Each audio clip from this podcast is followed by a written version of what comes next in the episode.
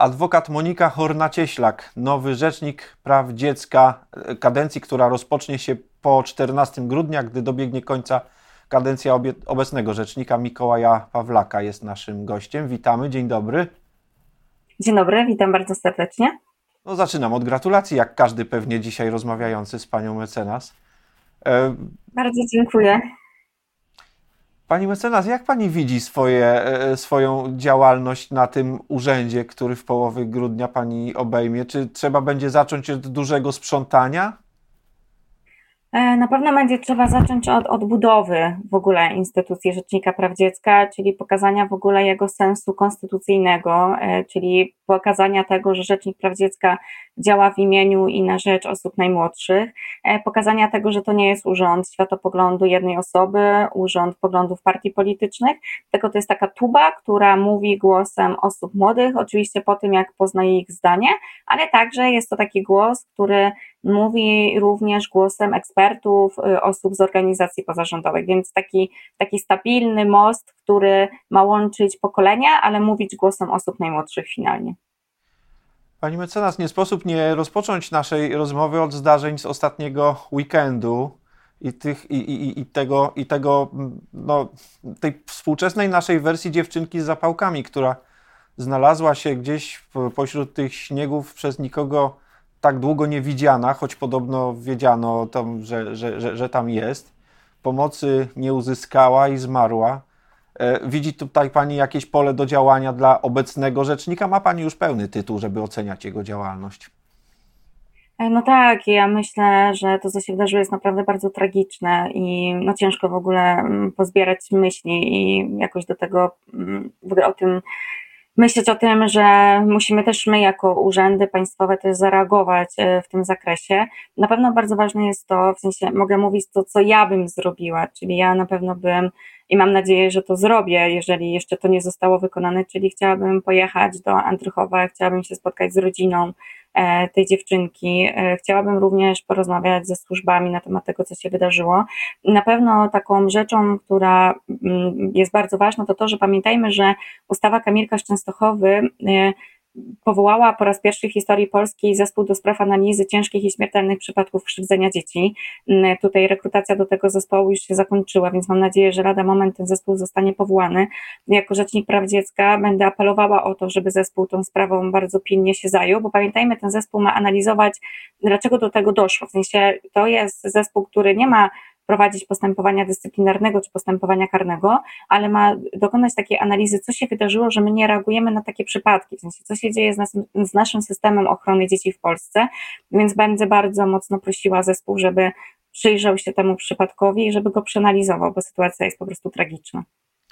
My chyba mamy systemowy problem, pani mecenas, z takim patrzeniem na różne zagadnienia, w których faktycznie dochodzi do e, no, drastycznych zdarzeń, E, że pierwsze o czym myślimy to, e, że trzeba przykładnie kogoś ukarać, że trzeba pociągnąć do odpowiedzialności, że trzeba nałożyć różnego rodzaju sankcje, a w małym stopniu to jest takie strategiczne myślenie o rozwiązywaniu problemów. To, to było widać przy okazji, ja wiem, że skala może być nieporównywalna, jednakowoż e, gdy doszło do katastrofy smoleńskiej i później, i później wyjaśniano przebieg tej katastrofy, to wszyscy czekali na wskazanie winnych, podczas gdy dla E, lotników najważniejsze było ustalanie przyczyn, żeby wykluczyć e, możliwość ich wystąpienia w przyszłości. I, e, i, I, te światy się na siebie nakładają.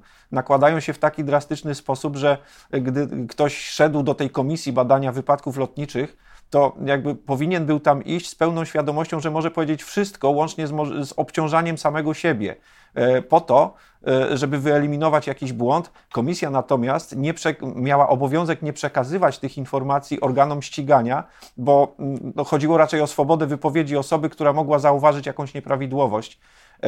A w śledztwie, w jakichś regułach y, już prawnokarnych wiadomo było, że mogłaby go za to spotkać odpowiedzialność, więc mógłby mieć pewne hamulce przed mówieniem wszystkiego. Y, w innych światach, również tych związanych właśnie z opieką nad dziećmi, z jakimiś systemowymi problemami, z ich wychowywaniem czy nadzorem, y, my tak na to nie patrzymy. Może to błąd. E, dziękuję, że o tym rozmawiamy, bo właśnie jak spojrzymy na system ochrony dzieci w Polsce, to przez bardzo wiele lat my reagowaliśmy wtedy, kiedy dochodziło do tragedii, czyli właśnie uruchamialiśmy policję, prokuraturę, postępowania dyscyplinarne.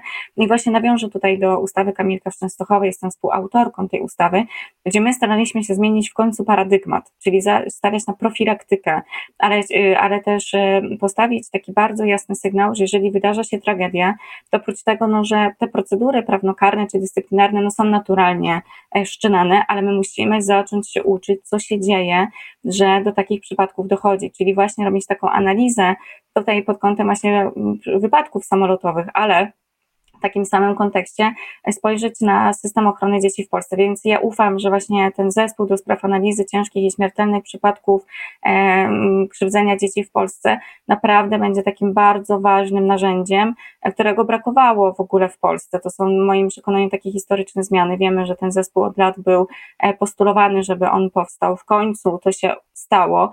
Więc myślę, że to jest bardzo ważne rozwiązanie i bardzo mocno trzymam kciuki za osoby, które będą w tym zespole. A ma Pani zaufanie, że osoby, które tam e, w tym zespole rozpoczną pracę, to są właściwe osoby? Że tak się uda tak. skompletować ten zespół, tak?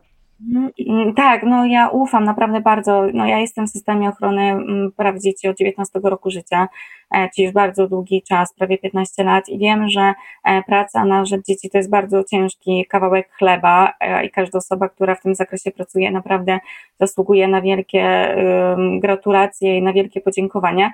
No bardzo to ufam. Jeżeli nie będzie takich sytuacji, będę miała jakieś wątpliwości, to oczywiście jako Rzecznik Praw Dziecka w tym zakresie również mogę zabierać głos. Natomiast no liczę na ogłoszenie w ogóle tych osób, tak? Bo procedura wyboru, e, z czego to wiem, cały czas trwa, więc będę też śledziła e, skład tego zespołu na pewno. Mhm. Pani mecenas, y, chciałem zapytać o takie zdarzenia z przeszłości, które ciągle nie doczekały się, nie doczekały się wyjaśnienia czy rozliczenia typu, typu sprawa śmierci e, syna posłanki Felix. Jeden z pani kontrkandydatów wskazywał, że zachodzi tutaj pilna potrzeba no, no i tu już rzeczywiście nie systemowo, nie, nie, nie na miękko, tylko takiego rozliczenia osób, nie, osób odpowiedzialnych za to, e, jaka atmosfera wokół e, tej osoby powstała i jak to się dramatycznie zakończyła. Czy pani również czuje taką potrzebę e, personalnych rozliczeń wokół tej historii? E, ja bardzo szanuję e, prawo do prywatności i prawo rodziny i prawo pani posłanki, więc ja na pewno będę kontaktowała się z panią posłanką w zakresie tego, czy i jakie ma potrzeby i będę podążała za jej potrzebami w tym zakresie. Nie będę robiła niczego, czego e, pani posłanka by sobie nie życzyła i tym zakresie tylko tyle mogę powiedzieć na chwilę obecną. Natomiast ja jako ja nie będę podejmowała decyzji, nie, nie zwracając uwagi na potrzeby osób, których ta sprawa dotyczy. Więc tutaj pełen po prostu podążanie za osobami, których ta sprawa dotyczy i podążanie za ich potrzebami. Jasne. Pani rzecznik, rzecznik to taki kamień w bucie e, różnych urzędów e, państwowych nastawionych na być może inne cele niż interes pojedynczych osób, e, w imieniu których upomina się właśnie rzecznik ich praw. Może pani obiecać, że będzie kamieniem w bucie różnych urzędów? Och, tak, myślę, że mogę z tą świadomością. Ja, tak jak powiedziałam, zajmuję się tą tematyką od bardzo dawna i no, mam doświadczenie, powiem kolokwialnie, bicia się o dzieci, bo biłam się o dzieci w różnych gabinetach polityków, i w Sejmie, i w Senacie, na policji, w sądzie, w prokuraturze e, i na komisariatach policji, ale byłam też na ulicy i mówiłam głośno o tym, że dość przemocy wobec dzieci. No więc y, mam doświadczenie w tym zakresie, natomiast oczywiście, no mówię, bijcie się, no to oczywiście trochę mm, chciałabym zwrócić uwagę, że jeżeli mówimy też o kwestiach dotyczących dzieci, to też bardzo mocno stawiam na dialog, stawiam na współpracę, e, stawiam na mm, bycie jednym głosem, bo jeżeli mówimy o sprawach dzieci, no to musimy mówić po prostu jednym głosem i będę też bardzo mocno do tego zachęcała, żebyśmy byli po prostu sojusznikami, którzy mówią, chcemy lepszego świata dla dzieci. Czy to możliwe w dzisiejszej rzeczywistości, pani rzecznik? Pytam o to dlatego, bo jakby no nie jest tajemnicą duża rozbieżność w poglądach na, na, na kwestie wychowania dzieci. Być może jeszcze mamy przed sobą kolejny etap dyskusji o, o, o karach fizycznych.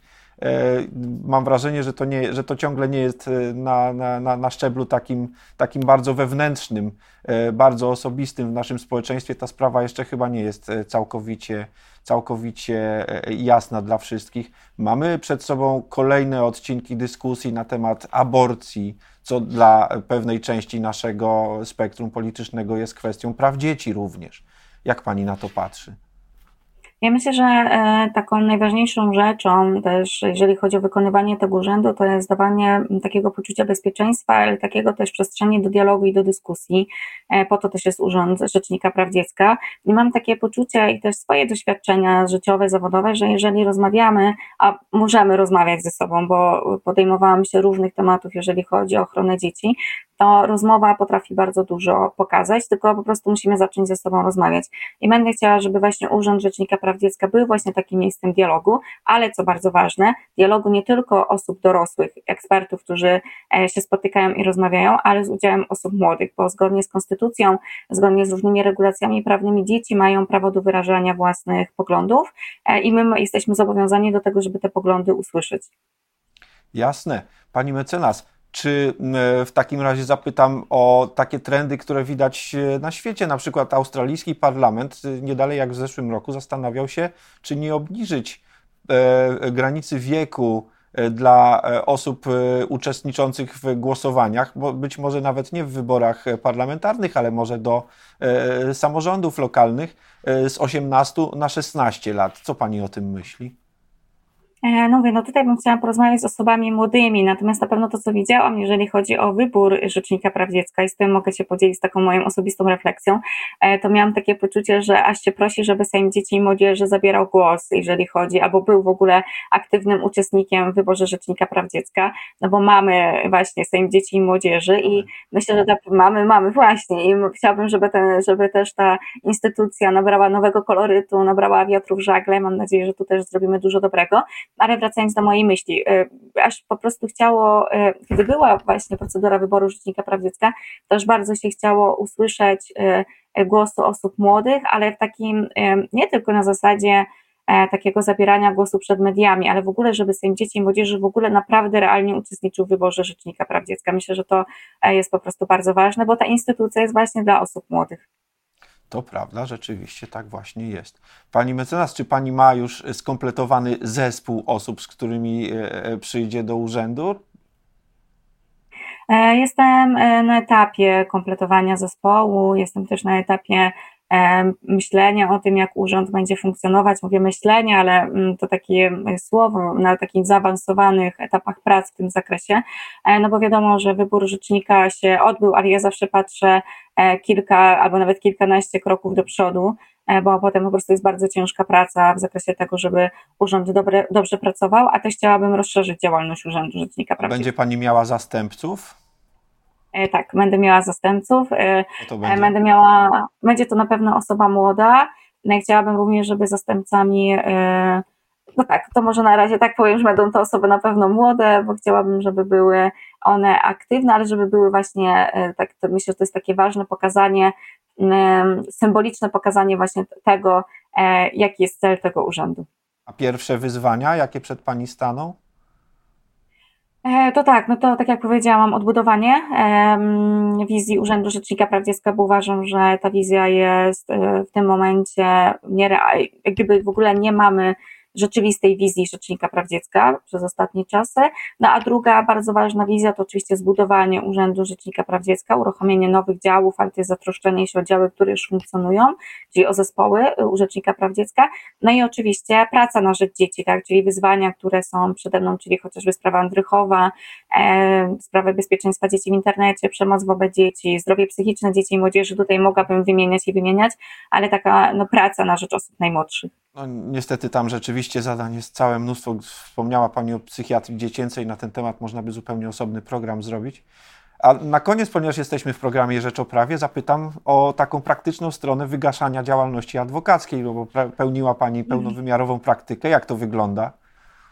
Tak, e, właśnie też jestem na tym etapie. Dziękuję za to pytanie. E, będę e, musiała zawiesić wykonywanie zawodu adwokatki, czyli będę już osobą, która nie wykonuje zawodu adwokata, no ale oczywiście to jest również dla mnie teraz czas zatroszczenia się moich klientów, których obecnie prowadzę, znalezienie osób, które będą w duchu ochrony praw dzieci prowadzić dalej te sprawy. Na szczęście znam takie osoby, ale też jestem w kontakcie z osobami najmłodszymi, które których sprawy prowadziłam, więc tutaj z pełną odpowiedzialnością e, przechodzę na, na nowy etap, ale z całkowitym zatroszczeniem się o osoby, które do tej pory reprezentowałam.